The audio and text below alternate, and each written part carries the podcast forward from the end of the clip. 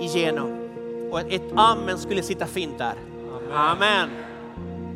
Varsågoda och sitt. Tack så mycket lovsångsteam. Kan vi ge dem en eh, stor applåd?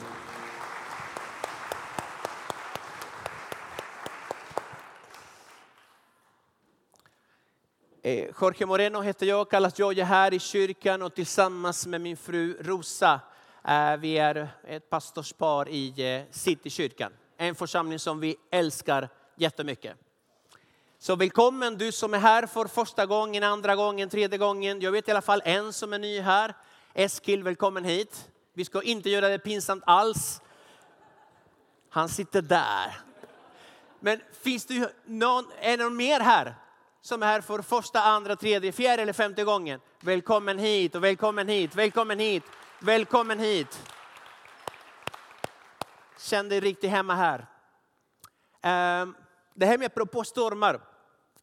För, bara för några dagar sedan, för någon vecka sedan, var vi i eh, Israel. Kommer du ihåg? Ja, i Genesarets sjö. Eh, första mötet vi skulle ha, vi tog en båt, hyrde en båt och vi var, åkte in i Genesarets sjö och mitt på sjön, då hade vi ett fantastiskt möte. Det var lätt att föreställa sig Eh, stormen. Det var lätt att föreställa sig, det var lätt att predika där faktiskt, när Jesus kommer gående på vatten. Och även det här att, att Jesus är Herre över varje storm i ditt liv. Sluta aldrig att tro på detta. Att vara kristen är inte någon dans på rosor. Att vara kristen är inte att glida på en räkmacka. Om någon predikar det, den personen ljuger. Men mitt i stormen är Jesus med. Och det är skillnad. Det har funnits tider i mitt liv där jag har undrat, Gud var är du? Varför känns det så ensamt? Men när jag tittar bakåt, när jag tittar i backspegeln ser jag att Herren har aldrig lämnat mig. Han kan inte, han kan inte, han är inte förmögen att svika dig. Att lämna dig i sticket. Det kan han inte. Han älskar dig alldeles, alldeles, alldeles, alldeles. Så jag alldeles, alldeles för mycket. Amen. Eh, vi har varit nu i ett par veckor i en, en serie som handlar om eh, Efeserbrevet. Brevet som Paulus skrev till eh, Efesierna. Eh, han skriver det i, från fängelset. Och då skulle man kunna tänka sig att det är deppigt, ett deppigt brev, men det är det inte. Utan han beskriver församlingen han beskriver de troende, han beskriver hoppet som de troende har. Eh, beskriver församlingen som ett tempel, beskriver församlingen som en kropp, beskriver församlingen som, som en soldat, beskriver församlingen som en familj. Bara för att man ska förstå allt vad Gud har, har för oss. Han skriver till en, en, en församling som befinner sig i en speciell plats, Efesus. Det är centrum för tillbedjan till Artemis, den, den romerska gudinnan Diana. Det fanns en stor tempel där, stor tempel som var en av de sju underverken. Så många turister, många kom dit för att tillbe och beundra denna vackra byggnad. Ehm, så det var väldigt mycket plats också för okultism. Eh, I Apostlagärningarna det berättas också om att det var så mycket att när människor kom till tro, de brände upp allt som de kunde samla hemma. Och det var så mycket som 50 000 silverdrakmer. Vet du hur mycket pengar det är? En silverdrakma är en denar. Okay. Vet ni hur mycket en denar? En dagslön. Jag vet inte, det beror helt och hållet på vad man jobbar med. Det blir en peng. Men 50 000 denarer är ungefär, jag har skrivit det, 137 år. Och om man tjänar runt 25 000 i månaden, bara för att, bara för att, bara för att prata siffror. Det handlar om ungefär 41 miljoner kronor i dagens pengar. Det, pang, i elden. Och det gjorde att människor som lever på det här blev inte glada. Och då hade såklart Paulus problem med dem. Men det är samma sak idag. Jag tänker mig om evangeliet i sin fulla kraft kommer och tar tag i en stad, i en by, ett samhälle och drogerna börjar liksom, människor köper inte droger. Ja, de som säljer droger blir inte glada. Om barerna börjar stänga, om prostitutionsplatserna börjar stänga, ja, det finns alltid någon som inte kommer att vara glad. Men det är härliga problem tycker jag. Jag vet inte vad ni tycker. Det är fantastiskt. Jag kommer, Paulus gjorde en liten introduktion. Paulus, förlåt, det, det var, det var bra, den var bra Paul. Eh, Paul gjorde en liten introduktion för ett par veckor sedan till eh, just det här brevet och han predikade fantastiskt bra eh, förra veckan om eh, kapitel 1. Jag kommer att prata om kapitel 2. Eh, innan dess jag tänkte berätta att eh, resan till Israel gick jättebra. Det var en fantastisk resa. Första resan vad jag förstår som församlingen organiserar till Israel. Eh, 26 personer hängde på. Eh, vi hade jättefina möten. Vi möter Gud på olika platser i Galileen, i Jerusalem och även längst ner i Eilat. Man gjorde geografiska upplevelser och eh, historiska upplevelser och andliga upplevelser och märkliga upplevelser.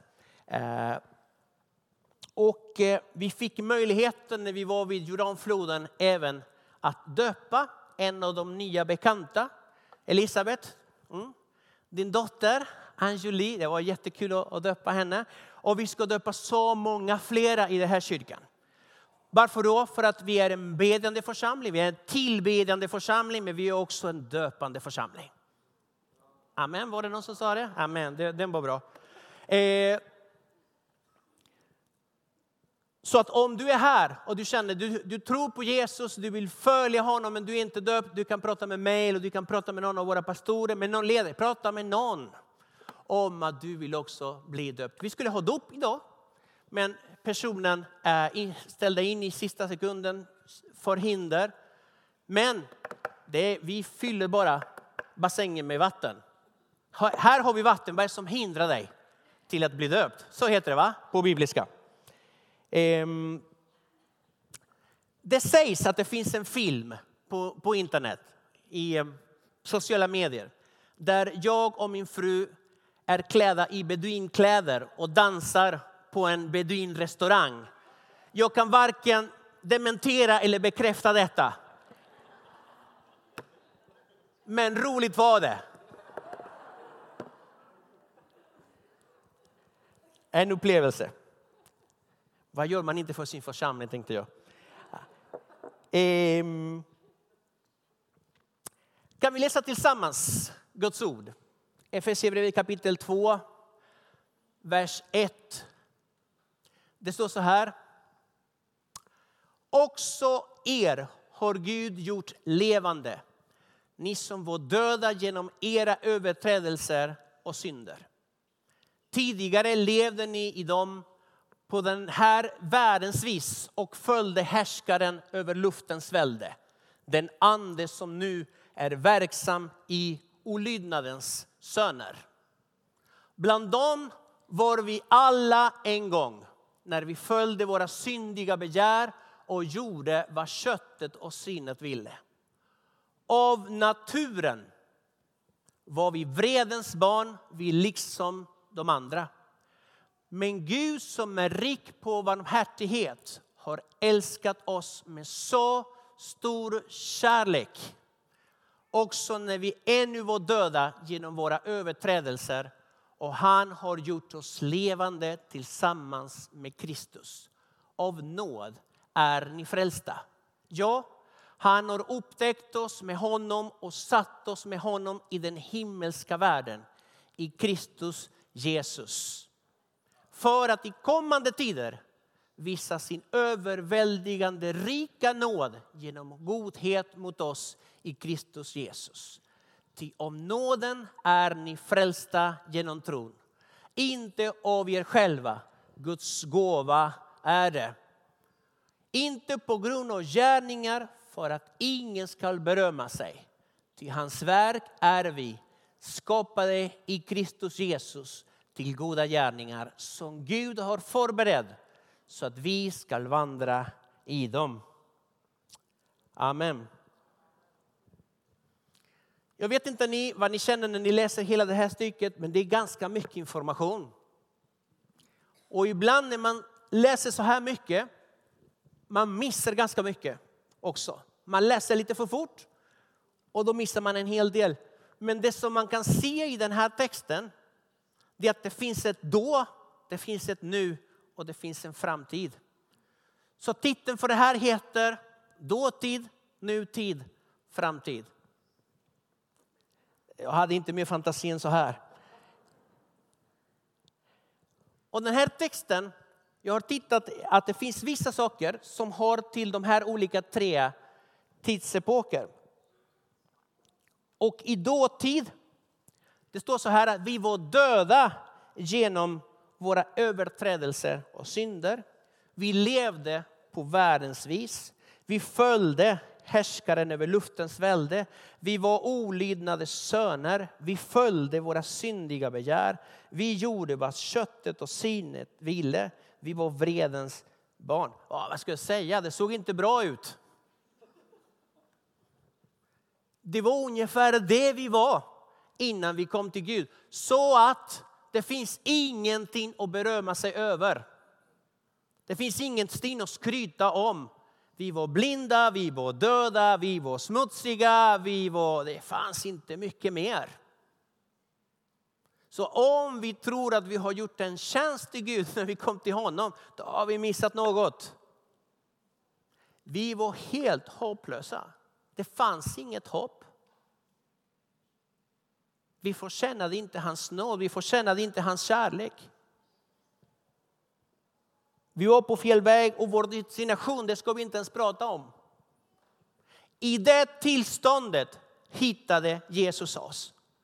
Många gånger vi kallar oss för sökare, men ärlig, i ärlighetens namn, det är han som har sökt oss hela tiden. Och han har sökt oss hela vårt liv. Och ibland är Gud tvungen att vänta 15 år, 20 år, 30 år, 40 år, 60 år, 70 år tills vi kommer till honom. Böjer knä och erkänner honom som Herre. Jag kommer ihåg en, en man, han är hos Herren nu, Bertil. Berran kallade vi honom i kyrkan. Berran. En farbror på 80-85 år bara ungefär. Jättetrevlig, alltså genomgod. Du vet, det är som en sån där, en sån där som man tror att han föddes mellan bänkarna. Och när, eh, när jag pratar med honom en gång, sitter med honom, då säger han, eh, nej min vän, jag, jag, jag, jag kommer inte från någon kristen familj. Och nu ser du mig, jag sitter i en kyrkbänk, på en kyrkbänk. Men jag har suttit på ett A-bänk, en A-bänk nästan hela mitt liv. Jag har supit bort mitt liv. Jag har förstört tre äktenskap och flera barn och oj, vad jag inte har gjort. Men när jag var ungefär 70 år fick jag möta Gud. Och han förvandlade mitt liv. Han gjorde något som var helt, det kan inte beskriva tacksamheten över allt vad Gud har gjort i mitt liv. Och när jag ser honom, jag ser inga spår av ett gammalt liv. Jag ser inga spår av spriten, jag ser inga spår av misslyckanden. Jag ser inga spår av skilsmässorna, jag ser inga spår. Jag ser något annat i blicken, jag ser en segrande blick. Jag ser att Jesus har segrat. Jag ser att Jesus har lämnat tillbaka, gett tillbaka värdigheten spriten tog ifrån honom.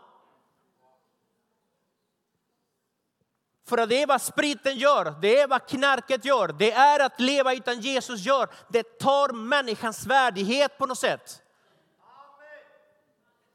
Men när Jesus kommer in i bilden, då blir det en annan film.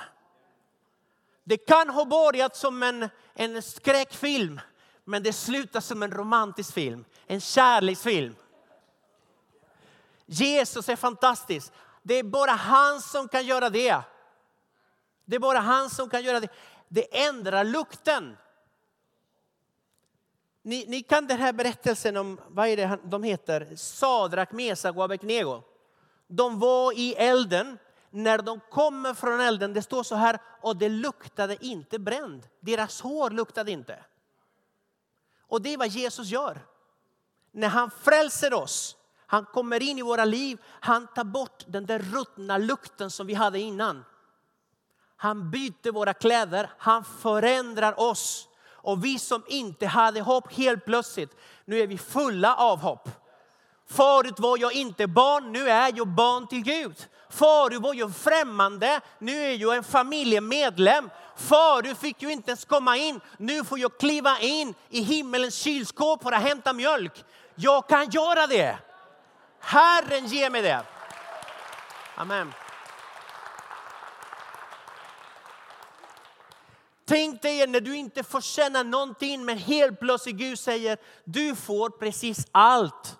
Du min vän, du är, jag fick en bild som var väldigt bra när vi var i, i, i Israel. Eh, och det är när Gud gör oss till mer än segrare. Och det är ungefär som att Alfred. Alfred, han är en av våra pastorer här. Alfred har tränat i flera år för att, för att löpa maratonlopp. Och han har blivit ganska bra. Och han tränar, han tränar och sen kör han igång och han springer. Och han springer 42 kilometer och sen kommer han i mål först. Först av alla. Oj, oj, oj. Och han står på, på pallen där och han får någon krans och han får någon trofé som han får applåder, fotograferna, allt, allt det där.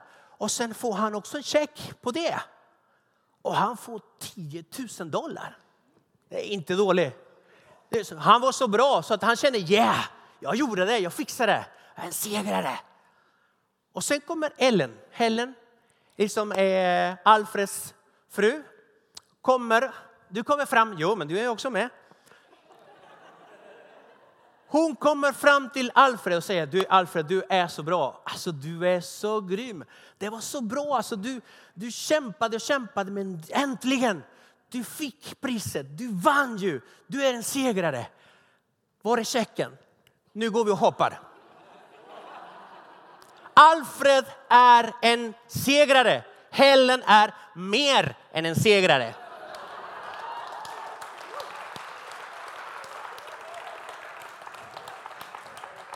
Du vet hur det är. Det jag menar är någonting som vi inte förtjänade, någonting som vi inte gjorde. Helt plötsligt får vi det gratis. Är frälsningen gratis? Nej, frälsningen är aldrig gratis. Någon var tvungen att betala. Jesus betalade priset. Det var han som hängde på korset. Det var han som fick lida för oss. Men inte för att vi skulle lida. Han gjorde för att vi skulle slippa det. Hans död betyder liv för oss. Och vår orenhet blir till renhet. Vår orättfärdighet blir till rättfärdighet. Det som vi inte förtjänade, det fick vi för intet. Herren ger det till oss och gör oss till mer än segrare. Dåtiden såg inte bra ut. Men när Jesus kliver in i ditt liv, då händer det någonting. Att ta emot Jesus, jag pratar inte att byta religion från islam till kristendom. Religion har aldrig frälst någon. Den har förvirrat människor i alla tider. Religion förvandlar inte människor. Religion förlåter inte synder. Religion ger inget liv, inget evigt liv, inget gemenskap med Gud. Men det gör Jesus. Jesus gör det. När du tar emot Jesus, det händer någonting på insidan min vän som kommer att ha effekter i det yttre. Du blir kanske inte vackrare än vad du är. Men definitivt, dina handlingar kommer att bli påverkade. Så det handlar, att bli kristen handlar inte om att bete sig på rätt sätt. Det handlar om att följa Jesus på rätt sätt. När vi låter Jesus verka i oss, det kommer att ha effekter i oss. Han planterat ett litet frö i oss som så småningom kommer att bli ett stort träd. Och min längtan är att jag blir ett träd som blir till välsignelse för andra. Som ger skugga till andra. Som ger skydd, skydd till andra. Som ger mat till andra. Låt andra människor palla dina äpplen.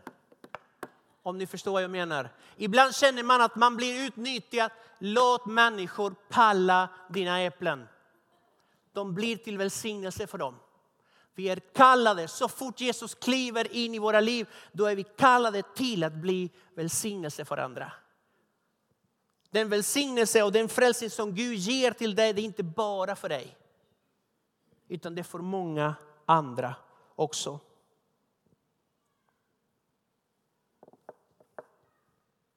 Herren gör någonting med vår natur.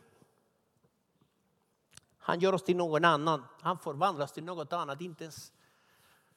Ibland undrar jag om vår familj känner igen oss efter det. Förvandlar vårt sätt att se på världen, förvandlar vårt sätt att prata, förvandlar vårt sätt att behandla andra människor. Det förvandlar oss.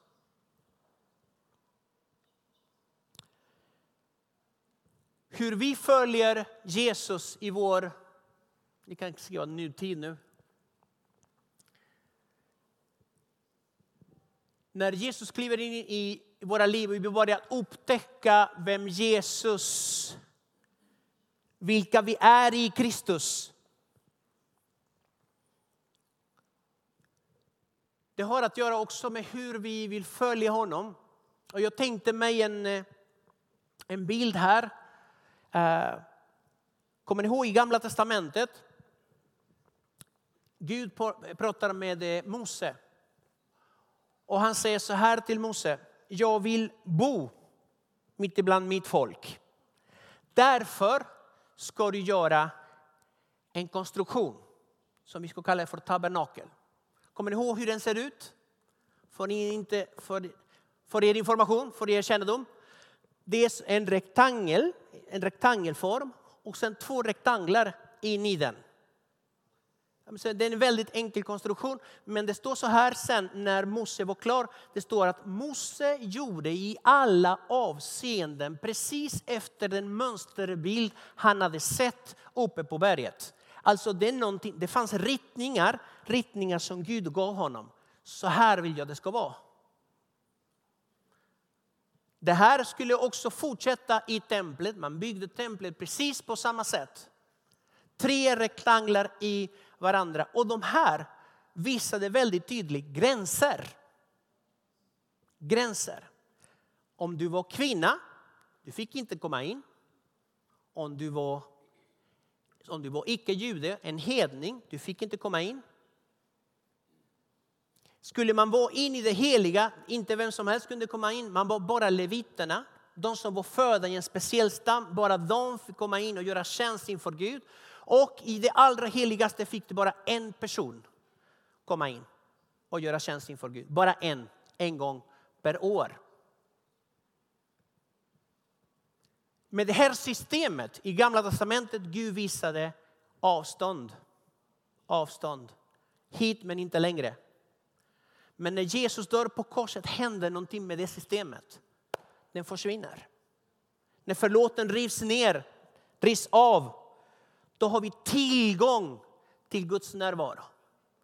Och det är det som händer när han kommer in i våra liv. Han förvandlar oss till tempel. Eller mer till tabernakler faktiskt, för vi blir mobila tempel. Vi är en massa tempel nu som samlas här. Och på samma sätt, jag tror att människan är byggt med de här tre trianglar, eller tre rektanglar.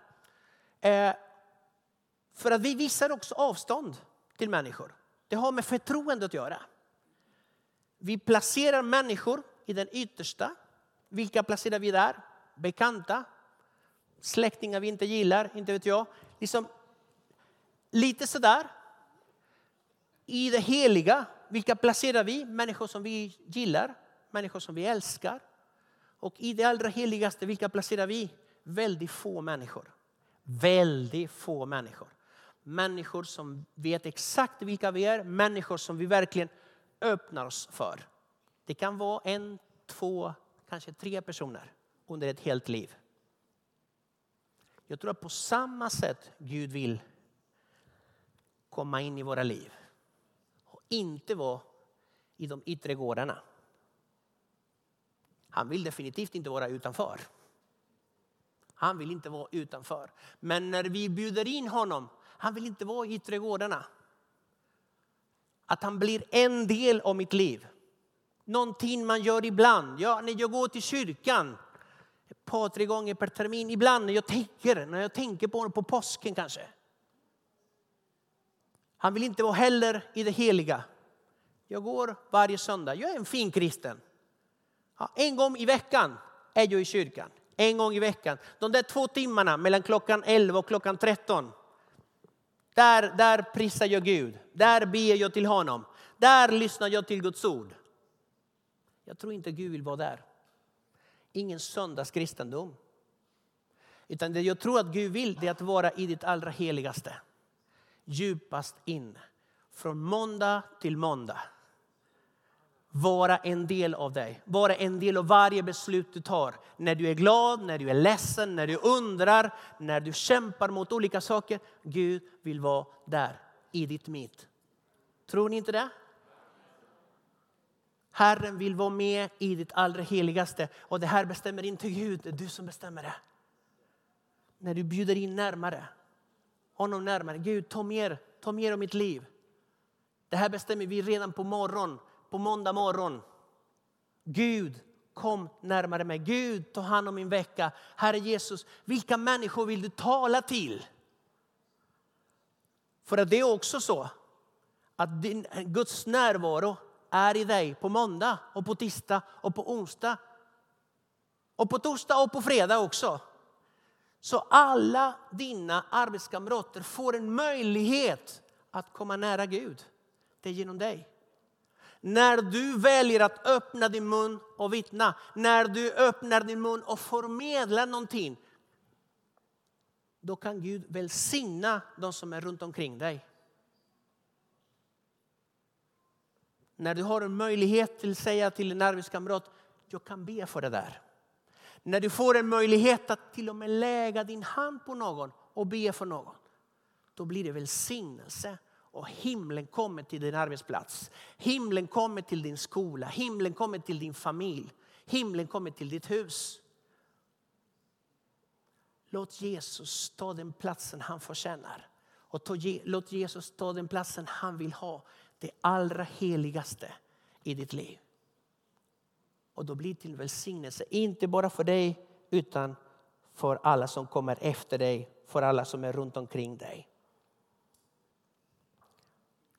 Förra söndagen var det tre människor här som valde att ta emot Jesus. Tre människor tog emot Jesus som sin Herre och Frälsare. Det var fantastiskt. En av dem som vi skulle döpa, det var den som tog emot Jesus förra veckan. Jag tänkte, men kära någon, gode Gud, detta vill vi uppleva oftare och oftare och oftare. Jo, men det är så tufft här i Sverige. Det där är en djävulens lögn så det heter duga. Kan vi säga som det är? För vad jag förstår, Gud kan frälsa människor här också. Eller? Visst är det så? Men någon har tutat in oss att det är väldigt svårt.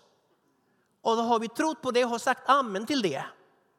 Men en sak vet jag att om vi predikar ordet, kraften i det ordet kan frälsa människor. Så, det, så behövs det lite, kanske lite mer frimodighet. Jajamän, Pekka. Evangelisten Pekka.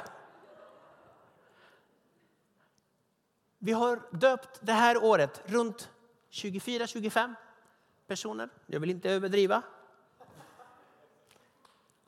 Men jag tror att innan året är slut ska vi göra ännu flera. Ännu fler ska bli döpta. Vi ska inte kasta inte någon, vi knuffar inte människor i, i vattnet.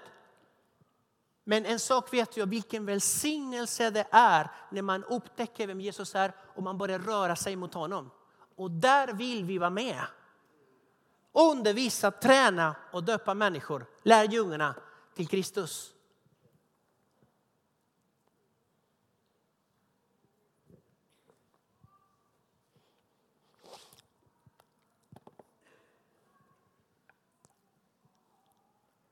När man, alla vi människor befinner oss i en process. Alla människor. Alla människor. Det är därför tror jag inte att det finns en vi och dem, utan alla vi befinner oss i en process. Och det är ett avstånd fram till korset. För många människor tar det många år, för andra tar det färre år. Men alla befinner sig i en process. Så det är därför jag tror inte att evangelisationssyfte är att människor blir frälsta. Utan evangelisationssyfte är att föra människor närmare Jesus. För att om syftet är att människor blir frälsta, vi misslyckas ganska ofta. Och det skapar en frustration. Asch, jag evangeliserade och han blev inte frälst. Asch! Istället för att säga halleluja, jag fick vittna för en och jag tror att någonting har planterats där. Så evangelisationens syfte är att föra någon närmare och varje människa har säsonger. Ibland är det säsong att så, ibland är det säsong att vattna, ibland är det säsong att sköra och ibland är det säsong eh, att gödsla och ibland är det säsong att skörda. Och jag måste förstå säsongerna. För att annars, vet du vad man gör? Man bara sparkar in dörrar. Du måste bli frälst, du måste bli frälst.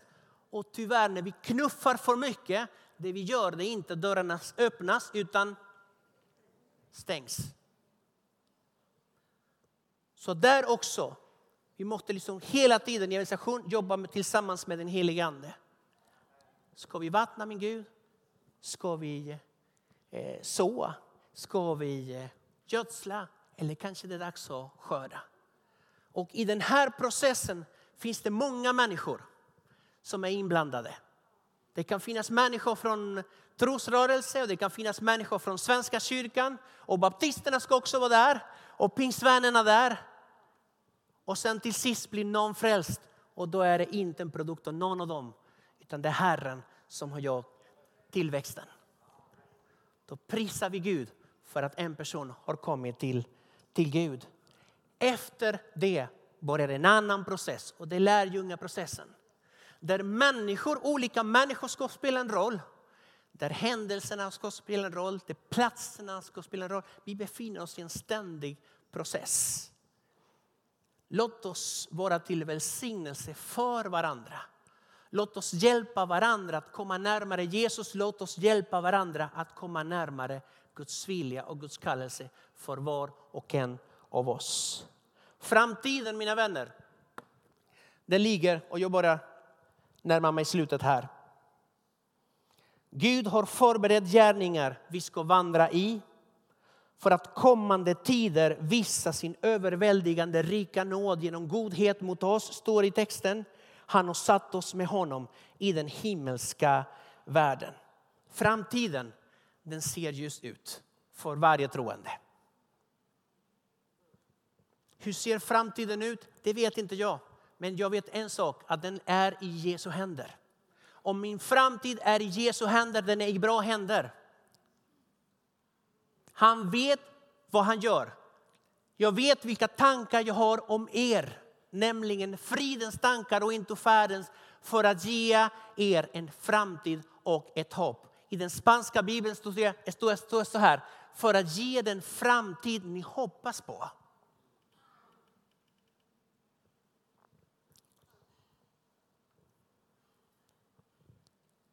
I framtiden vi kommer inte bara att upptäcka vilka vi är i Kristus, utan vi kommer att upptäcka vem Kristus är i oss. En dag ska manifesteras vem han är i oss. Så mycket han har deponerat i var och en av oss. En dag när vi kliver in i himlen min vän, då kommer vi att se honom så som han är. Vi kommer att blicka honom i hans ögon och se vilken stor kärlek han har för var och en av oss. Han är början, han är slutet, han är alfa, han är omega. Allt börjar med Jesus och det slutar med honom. Himlen är inte belöningen, himlen är eh, inte priset, himlen är inte destinationen, utan destinationen, priset och belöningen är Jesus. När vi kommer till honom, det är han i vår framtid. Det är inte bara att han har framtiden i sin hand, han är vår framtid. Dåtiden, nutiden och framtiden. Fantastiskt vad Gud kan göra i en människans liv när vi lämnar oss helt och hållet i hans hand. Kan vi be en liten stund? Om du är här och du inte har tagit emot Jesus i ditt liv. Du har lyssnat, du har hört talas om Jesus men du har inte låtit Jesus kliva in i ditt liv, bjuda honom in, välkomna honom in. Det kan du göra idag. Vi kommer att öppna eh, två stationer här med förebedjare. Du får gärna komma och prata med någon av dem. Herren söker dig. Herren söker, han längtar efter dig. Han har gett dig en fri vilja för att du ska välja honom. Och du får en möjlighet att tillsammans med någon annan be en frälsningsbön. Vi ber en, en, en, en liten bön. Herre Jesus, vi, eh, vi tackar dig. Vi tackar dig min Gud för din godhet, vi tackar dig för din kärlek. Vi tackar Herren för allt du har för oss. Tack Jesus för att du har en plan med var och en av oss. Och tackar Jesus för att du vill hjälpa oss och leda oss i den framtid du har för oss. Hjälp oss att fatta rätt beslut min Gud så att din vilja sker i våra liv. I Jesu namn. Amen.